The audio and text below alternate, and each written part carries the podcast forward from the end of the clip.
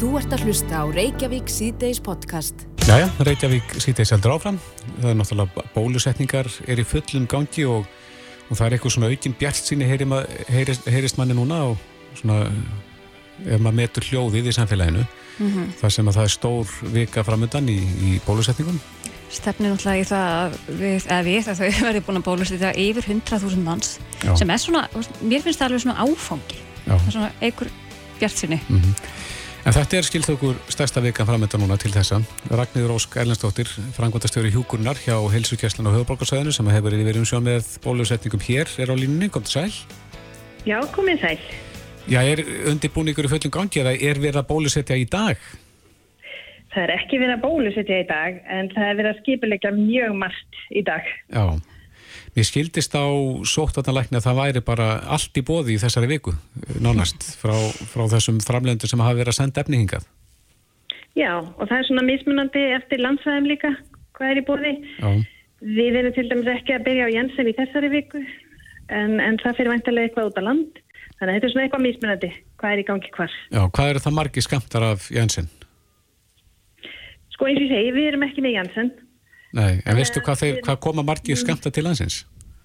Nei, ég er ekki með það núna. Nei. Það er eitthvað þúsund. En það er bara einn spröyta af því efni, það þarf ekki aðra, annan umgang? Nei, það er bara einn spröyta, þannig að það er mikill luxus. Og í þessari viku eru þið að bólusetja þá sem eru með undirlikjandi sjúkdóma og eru ekki komin yfir 67 ára?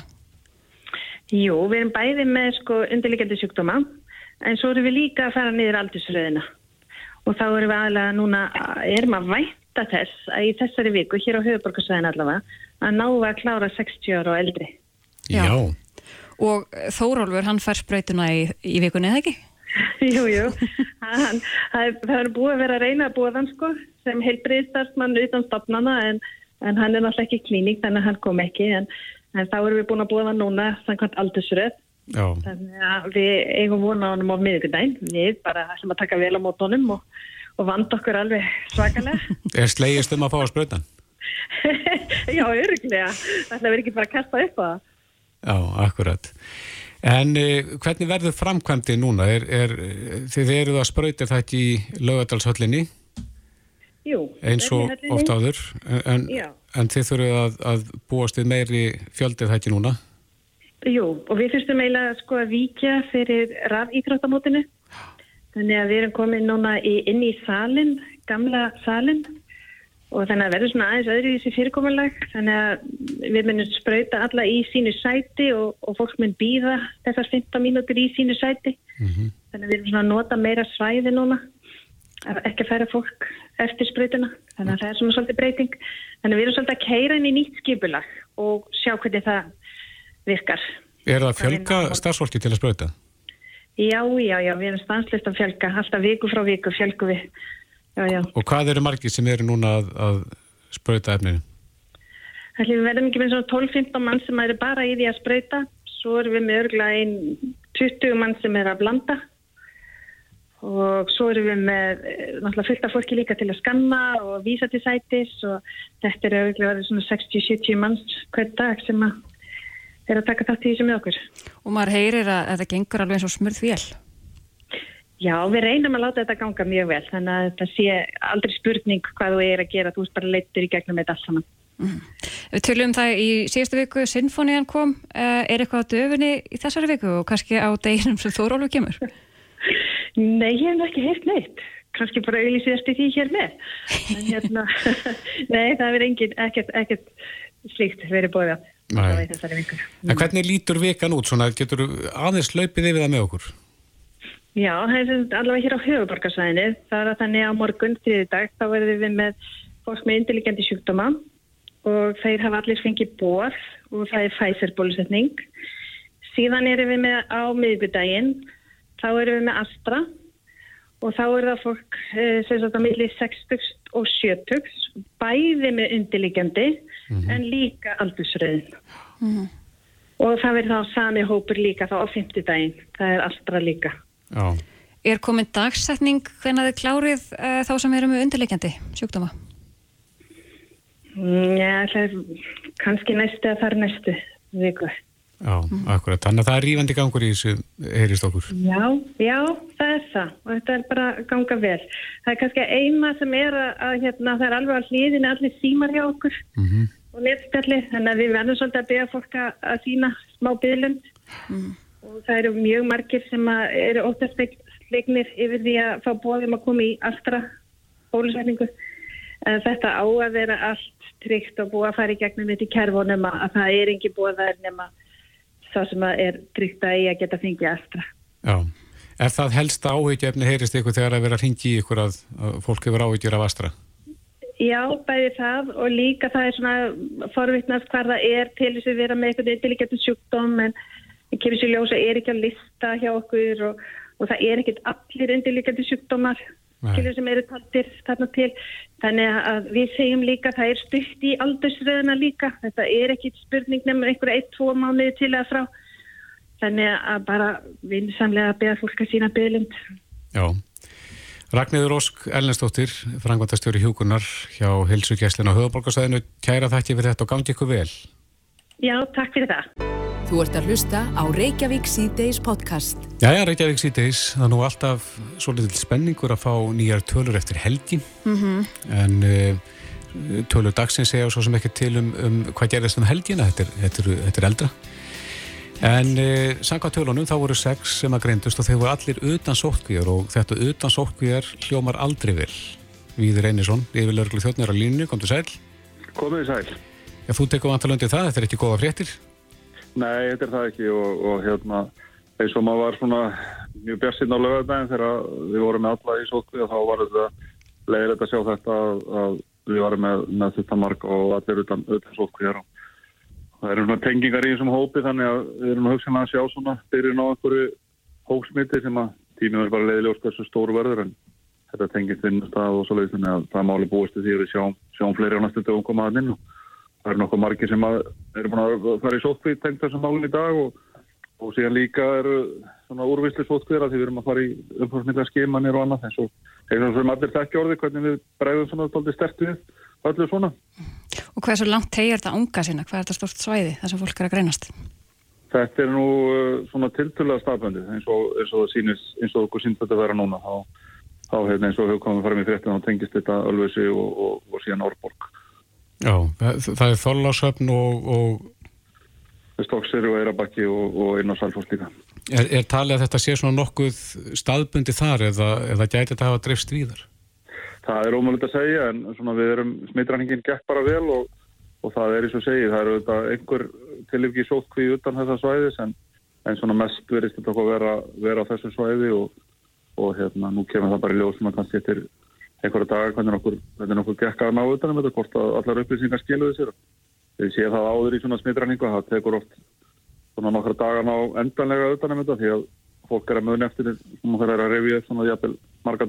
sem þá, mann það ekki alveg eftir öllum strax en það hitti og svo kemur þetta inn svona einn og einn eftir það. Mm -hmm. En vitið eitthvað hvort þetta fólk hafi verið mikið á ferðinni? E, nei, ég hef svo sem ekki nákvæmur upplýsingar um það en, en það er bara eins og samfélagið okkar er þessu dagana, þá eru þetta fólk alltaf á ferðinni og, og hérna, það er bara hlut af stöðunni sem er í mín núna. Já, þetta fyrirtæki, þú segir að þetta var vinnustadur, í hvaða geira er hann? Þetta er tengist matalavinslu. Já, en hvernig verður þetta að segja að það sé búin á utanum þetta? Já, við sjáum það nú kannski ekki fyrir kannski á meðugudagin eitthvað svo leiðis, hvernig það er, þá, þá erum við komin út líka með neðistur út af skeimunum sem að fór í gangi í, í tengslu við þetta, þannig að, að svona, já, við séum meðugudagin væri þessi hópur og er klára þá, þá líður vika þangar til að þetta fólk losnar úr, úr sótkví og, og, og hérna, það er þá í, í sínatöku áður. Og eins og við erum búin að sjá núna svolítið, verður aðeins komið okkur kannski óvart er það hvað, hvað margir voru að betta inn í, þegar voru að fara í sínatöku við, við lóksótkvíður, hvað margir voru að koma inn núna síðustu daga með, neðustöður með COVID þá, þannig að það er ekki, verður ekki full full síðan fyrir um, umfangir að þessu finnir þetta mjög stort í viku. Mm -hmm. En þú segir að fólk muni ekki alveg hvað það var að gera, uh, byrja hvað á því að fólk sé ekki segja satt? Nei, þetta er miklu meira það bara fólk man ekki nákvæmlega hvað að gera. Þetta er líka ákveða áfall og fólk mm -hmm. svona lokast það þess að því bara geti ímyndið eitthvað það, ég myndi ringi einhver að spyrja munið allir en gerði á, á miðgudaginn í, í síðustu viku og, og hérna, geta farið það gegna það með okkur í, í smáadröðum hverju þú hittir og hvað þú varst og það er ekkit ólíklegt að fólk sem að hefur einhvað aðeins verið á ferðina, það muni ekki alveg allt strax og svo kemur það kannski eftir einn dag og þá bætist kannski við í sótkvinni. Það er bara eins og við höfum síðan þann tíman í, í faraldrinu. Já, einmitt. En uh, hérna appið sem hættir að reykja, eru margir með það ennþá? Já, það er ennþá að fólk er ennþá, ennþá með það en eins og segi það er, það er hérna hefur fyrst og verið til að hjálpa fólki með að muna hvað það var en, en hérna við erum alltaf að býða vonað til að svona örgismálinn og persónavendamálinn vegna á nýja appinu farið að klárast þannig að við getum farið að taka það í notkun það verður áhugaverð Hvað er það statt? Það er bara í þessu ferli, samfittarferli í kjærfinu Er það hjá persónu vend þá eða? Ég, ég man ekki hvort persónu vend er búin að skila en það er líka að við erum að við erum að gerum miklar örgiskröfur til þess að þannig að við erum að láta fleiri neitt fyrirtæki gera örgiskröfurna þess að við viljum ekki fara út með neitt svona nema sem er búin að fara á tíu einhvern allstar þar sem við látum skoða þetta. Það eru bara við veitum gera það miklu frekar heldur en að, heldur en að reyna að flýta útkominni þannig að Já. En við er eh, svona meða við stöðun eins og hún er núna eins og þróunin hefur verið undafarið að því að þið tóku það fram núna fyrir einhvern dögum síðan að þið vildu kannski ekki herða aðgerði núna en er þið fannir að spá í það hvort að staðan sé þannig að það þurfa að fara að herða tökinn aftur? maður er alltaf að hugsa um það og við erum rætta hérna í okkar hópi sko að, að og Þórur er búin að segja það að hann sé með tilbúið með minnisbladi í höfðinu eða þarf að grípa til einhverja aðgerða en, en hérna það eru auðvitað ákveðin tregða í okkur að gera það og það eru svona þó nokkrar uh, svona, hvað sé takkmarkan í gangi en þó svo samfélagi svona maður sjá það kannski ekki svo, svo glögt ef maður fylgist með samfélagin, það er einhvern veginn allir að gera allt sem við vilja. En myndur þú segja að þið væri svona nokkur nefnir með tök á þessu þó að það sé að Það er ómálegt að segja. Það er sex utan sótkuðir er náttúrulega bara með meira sem síðan síðan lengi þannig að, að við erum, við erum hérna bara að reyna átt okkur á umfanginu þessu og, og hvort að við kurum að búa það er svona þegar við erum komið endalega töl og hverju farið sótkví og hvernig okkur finnst að hafa gengið samtala við það fólk og svona fáið betri tilfinningu fyrir því. En við erum einhvern veginn alltaf að vinna með einhvern sem gerðist fyrir viku síðan eða lengra þannig að þannig að þetta er alltaf snúið. Já, eru ennþá sömu viðmiðanir þegar það kemur að smittrækningunni að, að uh, það er búist til því að meðgöngutími sé uh, hvað, vika eða... Já, sko hann er 10-14 dagar svona samkvæmt því sem að samkvæmt svona því sem vinnum eftir að, að, en það er meða við einhverja sólarenga uh, eftir að byrja að sína enginn í rækningunni þannig að það er svona það sem er við með og við erum núna má segja í þessum, þessum hérna, bylgjum núna eftir áramótt eða hvað maður kalla þær að þá höfum við jæfnvel verið að ganga eins lengra í tímanum. Eða það er svona vafamál með það þá, þá höfum við gengið, gengið lengra í tíma með þetta en geraðum áður. Og það er líka hluti svona kenningum í kringu þessa bresku, þetta breska afbríð og það getur jæfnvel verið búið að, að dóla lengur í fólki á þess að sína enginni að við, viljum vera, vera örgari megin í þessu. En í upphafi faraldu sinns, það er að segja í fyrstu bylgjuna þá að tala um það að að það var miða við að það var verið í kringum smitað eða innan við 2 metra í 15 mínútur. Hafa þessi viðnið eitthvað breyst? Já, það hefur gert það. Við erum alltaf að læra á þessu og við erum ekkert síður að horfa til möguleikana á, á sammeilum snertiflötum og á tíma það er auðvitað, ef það er ekki, ef það er ekki svona sammeili snertiflötir heldur kannski duðal í sama rými bara í, í stöttan tíma þá er það eitt en, en ef aðeinar hafa verið kannski ítrekkað að koma inn í sama rými þó þeir hafa ekki verið lengi, lengi einu og þá, þá horfum við líka til þess. Já. Víðir Reynisson, ég vil örglu þjótt hjá Alman og Varda Deild. Kæra þakki fyrir þetta. Takk sem er leiðis. Hlustaðu hvena sem er á Reykjavík C-Days podcast. Jæja, það eru einhverju sem eru búin að fara fyrsta golfringi sinn úti. Reyndar eru sömur velli búin að vera opni núna lengur en aðrir. Já. Mm -hmm. Til dæmis að, að golfvöllurinn í Þorlásöfni búin að vera opin í töluverðan tíma núna. Hella líka. Já, ég fór á Selfosvöll í gær og hann var blöytur og mjög svona hólótur. Þannig að þetta myndi mig á hóla í Hjaltadal hann að svona óteljandi þúur hér og þar. Þannig að hann var erfiður að spila hann. Var það, er það þess vegna að það gekk svona illa? Já, ég ætla ekki að fara kannski að telja það eitthvað í tíndimörgum kúlum en, en það er litið eitthvað þarna eftir meðan. En e, byrðsir frá mér, þá eru margi golvarar sem get ekki beð eftir að komast út af öll. Ættu búin að fara bara í? Nei, ég á bókaðan tíma annarkvöld. Já, á hvaða velli? Á Hónsvelli í Leiru. Já, já. E, GS, Golklubur Suðunesja. Er það fyrsti ringurinn í sömur? Já, það er fyrsti ringurinn úti. Já. Mm -hmm. Já, þú er búin að vera döglegur í hermi. Já, já. Þannig að nú er spurning hvort að það stilir út á öll. Já, það er vonandi. En uh, á línunni er nú maður sem að veit ansið mikið um þessa velli alla og, og gólfið. Uh, Haugurar Birgisson, fórsett ekki þess í, kom til sæl. Sælverði. Já, eru, af hverju eru velli svona mist tilbúinu til þess að, að taka móti hólki?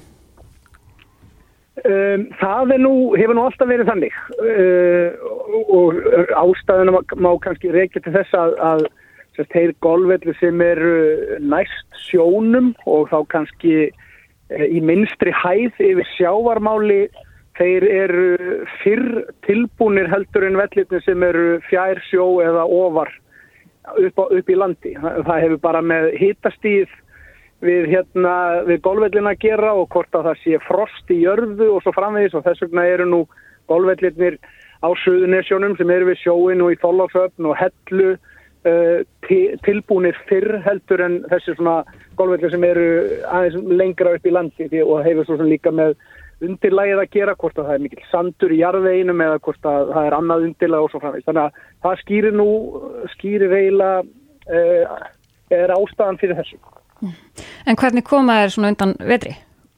Mjög vel. Ég held bara, þú veistu, þetta er maður störður á þessu okkur einast ári og maður segir alltaf að golfvellinni komið vel undan vetri en ég held til sver að það sé einhver logi með það að, að þetta árið komið er mjög vel og betur heldur en oft áður. Þetta er búið að vera mildur vetur, það er búið að vera lítið um klakamyndun, ekkert voðalega mikið um snjó og bara mild vor og það, það hjálpar bara til og þegar hitastíð kemst í 8, 9, 10 gráður þá fyrir bara grasið að spretta. Uh, þannig að vellirnir eru bara mjög flottir eins og staðan er og, og voru það bara strax. Maður sá það í, í mars-april og, og að því gefnu að það hefði ekki komin einu svona frosta tímabila þá hefði þetta bara allt saman spilast vel sem það gerði og ég held að vellirnir flestir óttni fyrr heldur en þeir hafa gert undan farin ár. Já, við tölum við þig svona yfir lók síðasta góltímabils og þú sagður okkur að það hefur orðið sprenging uh, síðasta ár eða síðasta sömar í gólvíþróttinni. Hvernig horfir við núna? Já, það er góð spurning. Sko, auðvitað, árið í fyrra var það besta í sögu gólvíþróttarinnar á Íslandi og og þetta margar svo sem ástæðir því en það sem við horfum á í lok tímabilsins var að okkar mesta áskorun yrði fyrir þetta ár að halda í alla þessar nýju yrkendur sem bættust í nýjþróttina árinu 2020 og það var svona challengeið okkar en, en við höfum alveg séð það núna að það verður ekkit vandamál að halda í þetta fólk og þvert á móti gerum við ráð fyrir því að það muni aukast enn frekar í, sum, í, áhuga, í fjölda áhuga samara kilvinga á Íslandi. Þannig að maður sí, sínist þá öllu að, að ásóknin í klúbarna e, ásóknin eins og hún hefur verið í golfhermanna og inni aðstöður klúbarna núna á vormánuðum hefur verið bara fordæma laus eins og oft hefur verið sagt undan fyrir 12 mánuði.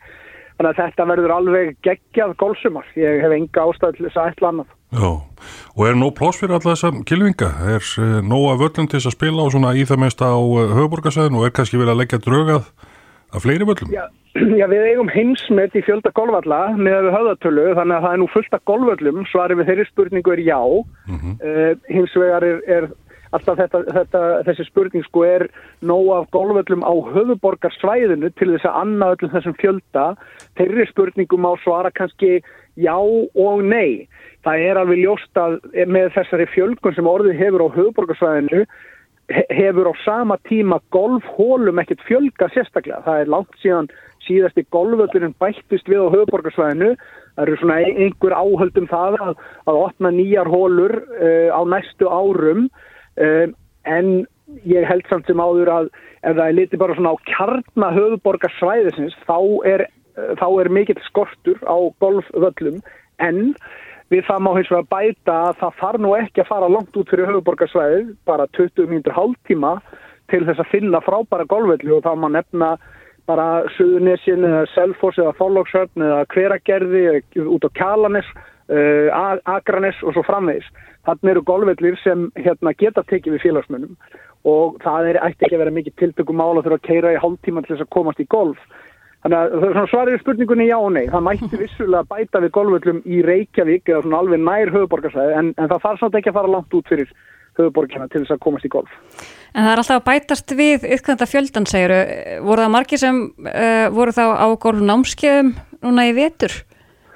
Ég held að, sko, ég er nú ekki með þær tölur uh, um þáttuk á golf námskeiðum en, en það sem að finnur er, það voru um 2000 nýju félagsmenn sem bættust við reyfinguna í fyrra mm. uh, í vetur hafa inni aðstöður, inn, svona inni aðstöður golfklúparna stækkað mikið orðið miklu betri og þeim hefur fjölgað og ásóknin í þær og þá, þá sérstaklega þessar golfherma hefur verið með ólíkindum mikil.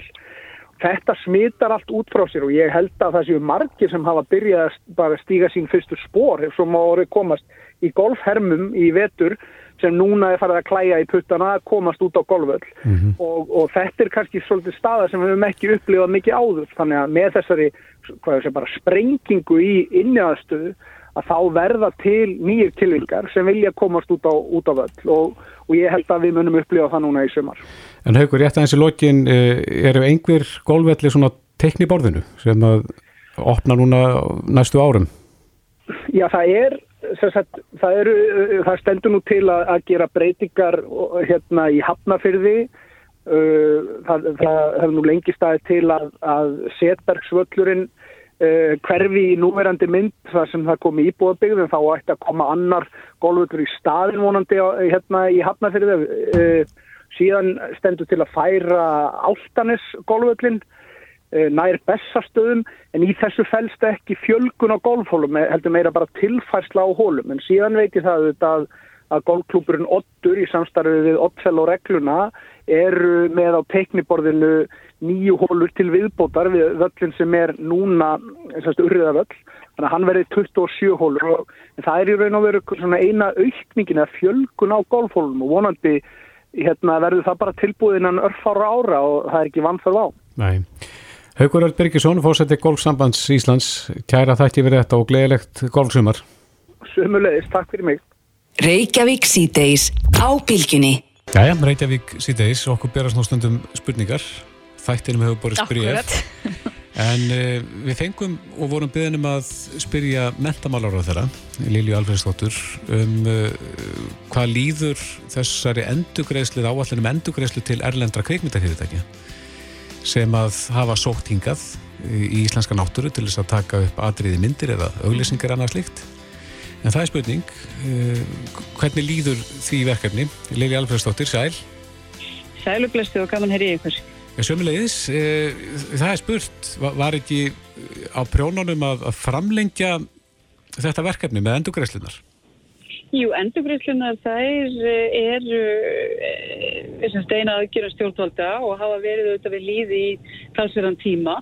Spurningin er frekar hvort við ætlum að auka endurgriðslunar og það hefur verið til skoðunar og ég vinn það með ferðaðinnar og nýsköpunar á þeirra. Eh, við erum hlindi að eh, auka stuðning við kvikmundagerð og við bara sjáum það að við erum alveg að sjá framúskarandi myndir og við vorum núna næstu því komið Óskarinn hingað. Húsavík að gera frábæra hluti. En við sjáum það alveg að, að þetta er, er umfómsmikil starfsemi og við kynntum uh, kvikmyndastefni til ásins 2030 menta á menningamálaráðanetið og þar eru til dæmis margar mjög áhuga verða tölur að veldan er sko 27,2 miljards mm -hmm.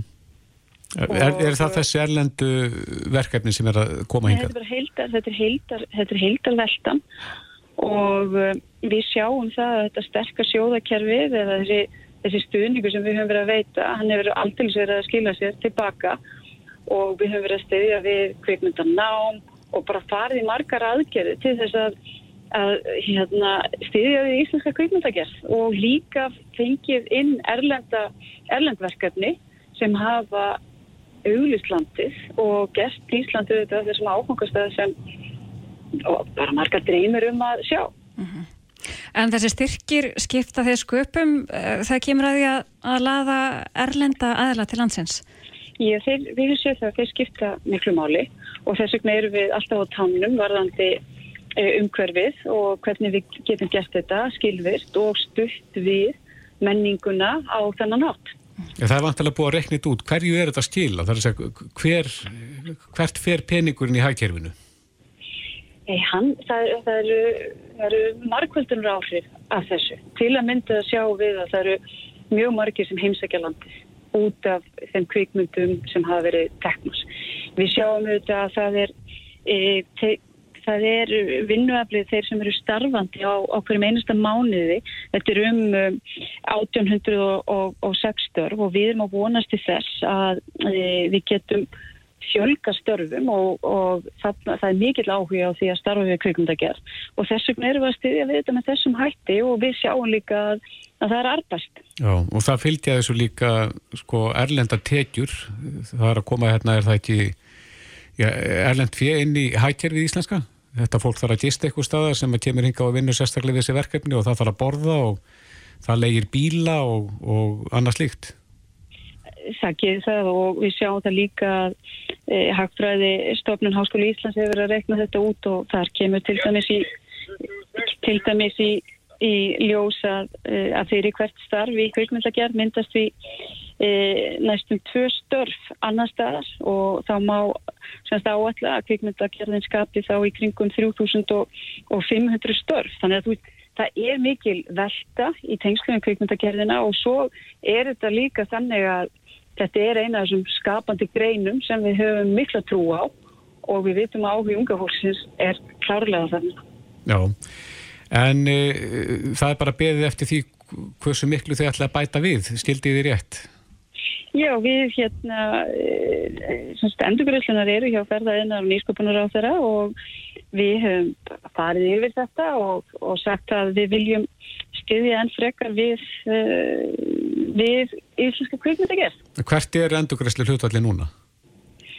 Eh, endurgræslu hlutvalli það er núna um 25% og við erum með þetta að bera okkur saman við önnu ríki og það sem eh, okkar kvikmyndagerða fólk hefur verið að segja það þarf að hugsa um það að þetta sé eh, samkepp, samkeppnisfært og að við séum svona, já, þannig að við getum, við getum stutt við það með þeim hætti. Já, hver eru helstu svona samkjæfnisaðilarnir? Er það Írar? Það eru Írar, uh, mér skilist að Spátt sé líka að koma, uh, Spánverðanir hafa verið að koma sterkir inn í þetta líka og, og þannig að það eru mjög margi sem hafa áhuga á kvikmyndagerð og það... líka bara öðru sem tengist í saði með maður sem að starfa í greinin að við þurftum að fara allavega upp í 35% endugræslu hlutvall. Já, það er eitt af því sem við höfum verið að metta og fara yfir og allavega kvíkmyndastefnan, hún gerir á fyrir því að, að, hérna, að við svona, séum að efluta með þeim hætti sem við höfum verið að gera og, og endur skoða ef við teljum að það sé þarf á því. Mm -hmm. En svona á tímum COVID hefur þetta eitthvað breyst með erlenda framleiðendur þegar þeir koma til landsins er þeir að ráða fleiri ístendinga þegar kannski erfiðar að koma með stóran hóp til landsins? Það sem þeir segja og ég veit til dæmis að þegar var verið að uh, upptökuna voru þetta Húsavík að það er sagt að það sé svo mikið, fag, svo mikið fagmennska hér að það, það sem ég segja að það hafi komið þeim svona skemmtilega og óvart. Það kemur okkur ekki óvart vegna að við höfum þetta verið með mjög öflutt fólk í kvikmyndagerðinni en það er það sem ég segja og hafa einmitt verið að sjálfsögða ráða e, ísleitinga og fleiri. Já, sástu atriðið í gær á óskatnum frá Húsavík? Já, ég sá það og, og, hérna, og ég fekk auðvitað gæsa hún og þetta er indislegt, indislegt og óskaðum innirlega til hamingju uh, með þannan áfanga og þetta er auðvitað stórklæðsilegt. Já, og bara frábæra ölsing fyrir okkur, það ekki? Íslenski barnakórin. Já, frábær auglýsing og kórin var svo dásanlegur og þetta var bara aðeinslegt. Frábært. Lilja Alfredsdóttir, takk kærlega fyrir spjallið. Takk sem er leiðis. Segjum það. Þetta er Reykjavík C-Days podcast. Já, Reykjavík C-Days, það er nú oft talað um það að uh, þessi faraldur hefur svona ítt okkur í ýmsar leiðir og kannski hraðað þróun sem að var komin að stað mm -hmm. eins og til dæmis netverslun Já, við vorum, Íslandika vorum náttúrulega mikið í því, vorum svolítið svona aftarlega á meirinni. Já, og margir sem, margir sem treyst ekki netvæslunum nógu mikið en ég held að við séum búin að læra það að, og margir eru fannar að nýta sér það mm -hmm. og hafa kannski uppgötta nýð þægindi við það að vesla á netinu. Algjörlega. En við höfum nú svona í gegnum þennan faraldur tala svolítið við Gunnar Egil Sigursson, frangvæntastjóra Vestlunarsvið samkaupa um netverslun en þeir voru svona, uh, má segja, riður svolítið á vaðið í þessari þróun. Gunnar er á línunni, kom til sæl. Komið sæl. Já, hvernig heldur netverslunni sér svona eins og hefur verið í gegnum þennan faraldur? Já, við getum nú sagt að við tölum nú saman þannig þegar kannski mestulætin voru að ganga yfir í byrjun og þá voru við að ræða svona að þetta er kannski upphafið að breyting á kauphæðum bara til framtíðar. Já. Ég held að það sé alveg ótaf að segja að það kannski er það sem við erum að sjá. Núna erum við ekki að sjá lengur þessar óbásluðu bylgi sem að voru og ég raun alveg síðan síðasta hausta þá höfum við bara séð bara jafna og góða vestun á netun, þannig að það er bara komin þarna held ég ákveðin uh, massi af viðskiptunum sem að hérna, finnst þessi þjónusta frábær og, nýt, og er að nýta sér og mun svo bara nýta sér hann til framtíðar og ég held að við munum bara uh, vaksa híðanir frá. Ég held að það er svona allan okkar spá. Já, hvað þýðir þetta þá fyrir þessar fysisku vestlænir? Kemur það til með að minka þá búðirnar eða þurfið þá eins mikið pláss? Ég, sko, eh, maður svo sem þetta veit aldrei hvað gerist en maður kannski reyna að horfa þessi í samanbörulöndin í kringum okkur og hvað menn er að spá þar og það er við að tala um að kannski á næstu tíu árum að það munir hlut að netvöslunar í mat vera einhvers starf að byrja 10-30% Já. Og ég held að við verum einhvers starf þar þannig ég held að það sé alls ekki þannig að við munum sjá kannski hefðum að vestanir hérna hverfa en það mun, það mun trúlega breytast og það mun trúlega minga og það mun held ég skapast kannski tækifæri fyrir svona ákveðna sérvestan eins og við höfum verið að sjá koma á með kjött og fisk og meira ferskmetti og svoleiðis sem að kannski meira sérveruvestanum og kannski meiri þungin í hefðbunni daguru og, og hérna gósi og þess áttar sem að með langa lítima svo kaupur á netuna á samt ferskurinn. Hvað stöndu við í dag? Hver, hvert er hlutfallið? Sko við höfum ekki verið að gefa það kannski upp en það er allavega komið þanga sem við heldum að það er við svona einhvern 2023-2025 þannig að við erum að langt á undan því sem við heldum mm -hmm. og við sjáum náttúrulega bara að það eru fleiri og fleiri aðilar komin á markaðin og við bara fögnum því að ég held að það mun að enda að stekka kökun en þetta er ekki, þetta er kannski ekki mjög stórt hlutat í dag en við sjáum á þeim könnunum sem við erum að gera að, að kannski næsta kynsloð viðskiptarina hún er að fara að hugsa allt öðru seldur en að kannski við gerum í dag og þau eru tilengja sér netið á samt fleiri eh, stafræna lausnum sem við erum líka að vinni í þessa dagana að undirbúa kannski undir framtíðana þannig við séum alltaf að þetta er kannski svona fjárfæstingin í framtíðana sem við erum að vinna í núna uh -huh. En það er mjög klálega að breytast á næstu 3-5 árum. En sjáu þið aldursskiptingu eða kynjaskiptingu þegar það kemur að netvæslinu? Hva, hvaða hópar eru það sem er aðalega að nota netið? Í, í raun og veru er það bara nákvæmlega sa, sama hérna, demografi og við sjáum í búðunum og hérna, það er engi breyting þar á, þetta er all, allur aldur og, og alveg eins eldri hópur og yngri hópur, þetta er svona bara þessi kjarnahópur sem er að gera innkaup til heimilsins. Þannig ég held að svo kynslo sem er svo koma upp næst, þannig að þetta er kannski þeir sem eru í kringu 20 í dag þegar þeir verða kannski aðal kaupundur eftir 5-10 ár að þá held ég að kaupa þeirra verður bara allt öðru seldur en við erum að horfa í dag. Uh mhm. -huh. En er fólk þá bara að kaupa allt mögulegt eða er þetta eitthvað svona ákveðnar vörur sem er helst verið að vestla á neytinu? Nei, það kannski kom okkur svona hvað helst á óvart að í raun og bara þegar við opnum verslununa í september 2017 að þá var kauphegðuninn nákvæmlega svo sama og við sáum í verslunum. Mm -hmm. Fólk er eins og er að kaupa meira í einu og það er að, kaupa, það er að hugsa svona lengar fram í tíman. Þannig að fólk er að hugsa sér í tímaspartna og það er að gera stærri innkaup í einu af því það er kannski að fá þetta heimsend og annað. En við sáum og kom okkur hvað mest óvart hvað hlutallið af feskuru var uh, hérna hátt bara eins og er í vesturum almennt alveg frá fyrsta degi og það hefur ekkert breyst nema ef við tökum til liðar þegar COVID-faraldurinn byrjaði þá var náttúrulega þetta fólk mikið í því að hamstura glósepapir og niðursvör og þess aftar sko en það, það, það varði stutt og við höfum ekkert séð það þetta aftur. Mm -hmm.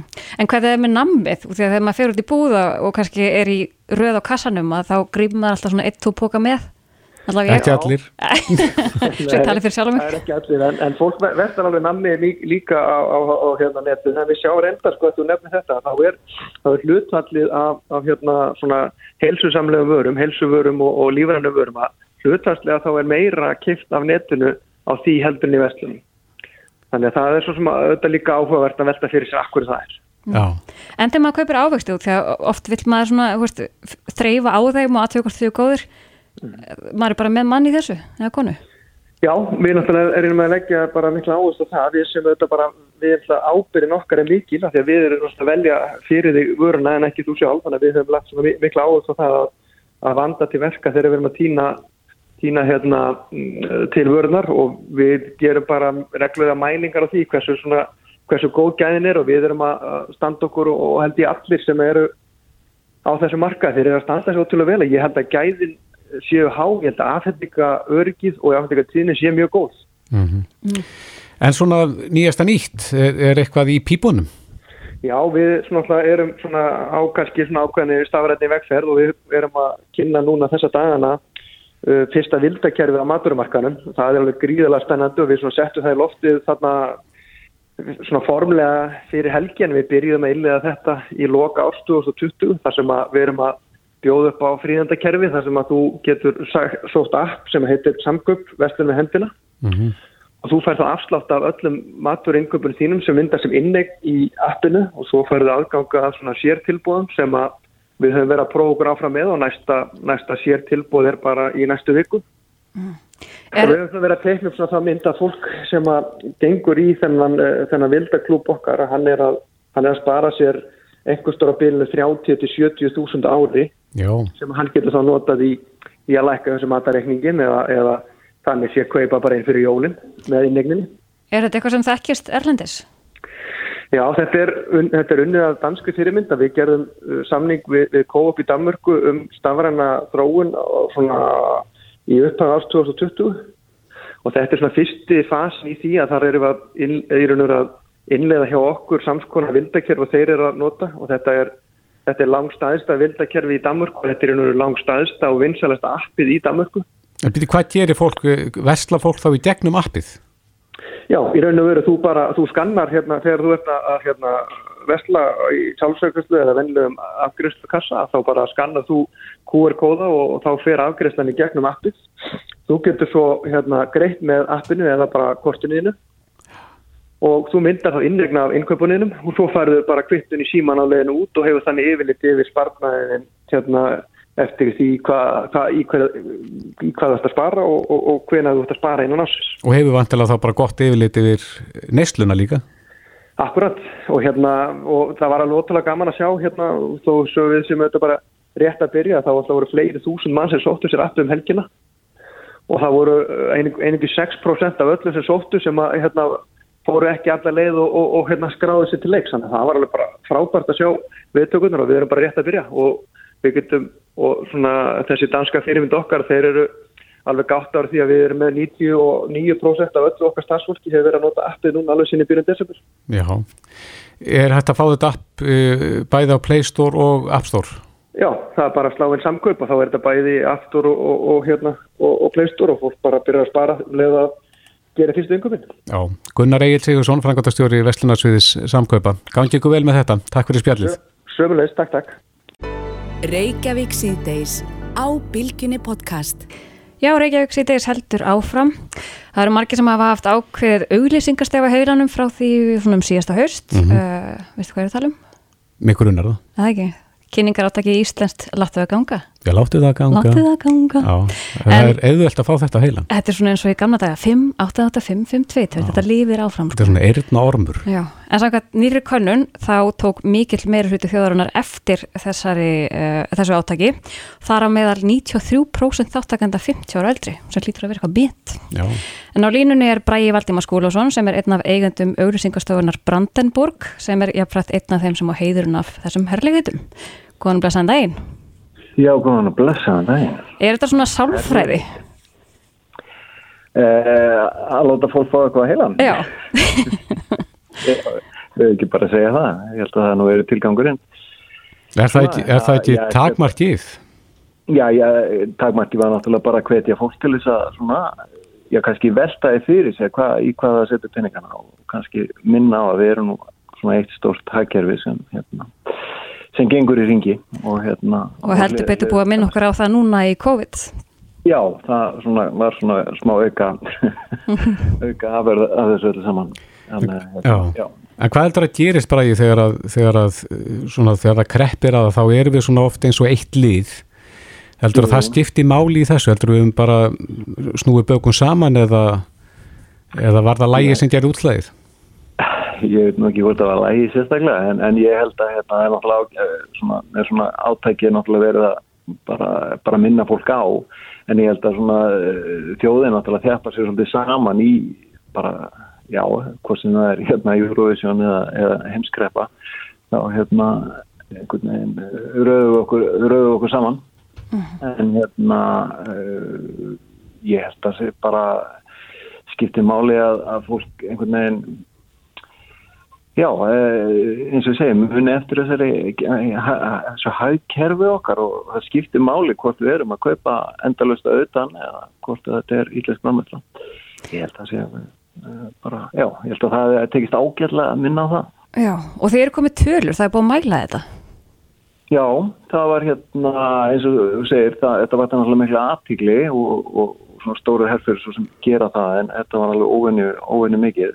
Og svo er líka mjög gaman að sjá það að það var líka um sko fjórðungur fólk sem sagði að, að sko herrferðin sérstaklega hefði fengið til að hugsa málið og velja fyrir ekkar Íslands og það var svo sem ekkit endilega sjálfgefið að herrferðin myndi, myndi hérna myndi vekja þau svona áhrif en, en auðvitað er svona bara stemmingin í þjóðfélaginu svolítið skiptið mál í þessu en, en þetta var svona bara ágætis auka bónus þetta gekk mjög vel.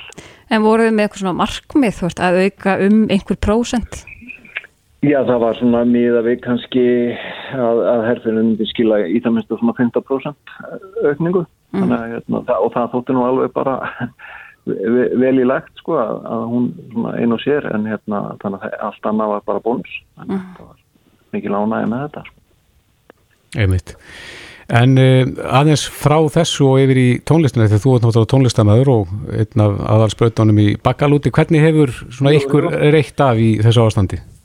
Uh, já, það er náttúrulega bara allt í frosti í, í tónlistarbransanum og náttúrulega ekki bara hér heima, þetta er bara um allan heim og, og fólk hefur náttúrulega bara að leita alls konar leiða en, en þegar fólki er sko reynilega bannað að koma fram þá náttúrulega er ekki vona góðu og, og margir náttúrulega farið ansi svona illa út úr, út úr síðasta ári. Uh, bara tekið fallið er svo vakalegt eins og hjá bara bransanum heilt yfir. En ég held að allir í starttólunum núna að, hérna, að skipulegja eitthvað fyrir næsta haust og, og vetur Já, núna sér maður svolítið fram á það að geta farið á tónleika eftir nokkra mánuði. Er ekki samt hægt að segja, er, er ekki margir búin að nýta þennan tíma bara til að semja lög og, og, og Jú, læna sko, einhverju það- ódögulegu upp? Eða sko maður sá það nú bara hérna á tónlistafölunum núna síðast að hérna sko sköpunin, hún hættir ekkert það er, er endalega skróska þar og virkilega flott efni sem er að koma og vera til þannig að það heldur endalist áfram og náttúrulega ófljótandi brunnur í, í sjálfu sér en, en það er kannski bara hver, hvernig fólk kemur þið frá sér og hvort það fær, fær eitthvað fyrir Mm. fyrir það að skapa sem er svona kannski, kannski vandamálið akkurat núna Já, tónleikarnir ykkar voru, Já, ég segi tónleikarnir ykkar voru með svolítið breyttu sniði, þið voru náttúrulega bara breyttu þessi sjónvarstátt. Já, það var, við eiginlega sáum það bara þarna strax í september sko, við settum tónleika í sölu, mann ég, þarna, ég held að bara sama dag og, og það sem við köllum þriðjubilgin að skalla á og þá sáum við nú eiginlega bara klukkutíma að það var ekki mikil stemming fyrir, fyrir tónleikahaldi, sko. Mhm. En heldur að, Já. heldur að lögin eigi eitthvað eftir að breytast það sem margir voru kannski að semja svona bara í einsemt? Það verður mjög dramatísk koma núna. Ég held að verði nú bara alls konar. Ég held að líka bara að fólk sé komið með hérna, þörf fyrir smá útrás fyrir bara gleði og, og, og jákvæðni. Sko. Já, Þetta er svona eiginlega komið bara alveg gott af, af þessu hérna, þessum dóða og, og hvort sem það er í bara Já, er ekki bara þjóðarátt ekki gleði sem er, sem er næst á dagskrá. jú, við þurfum að láta það ganga í tónlistinni líka.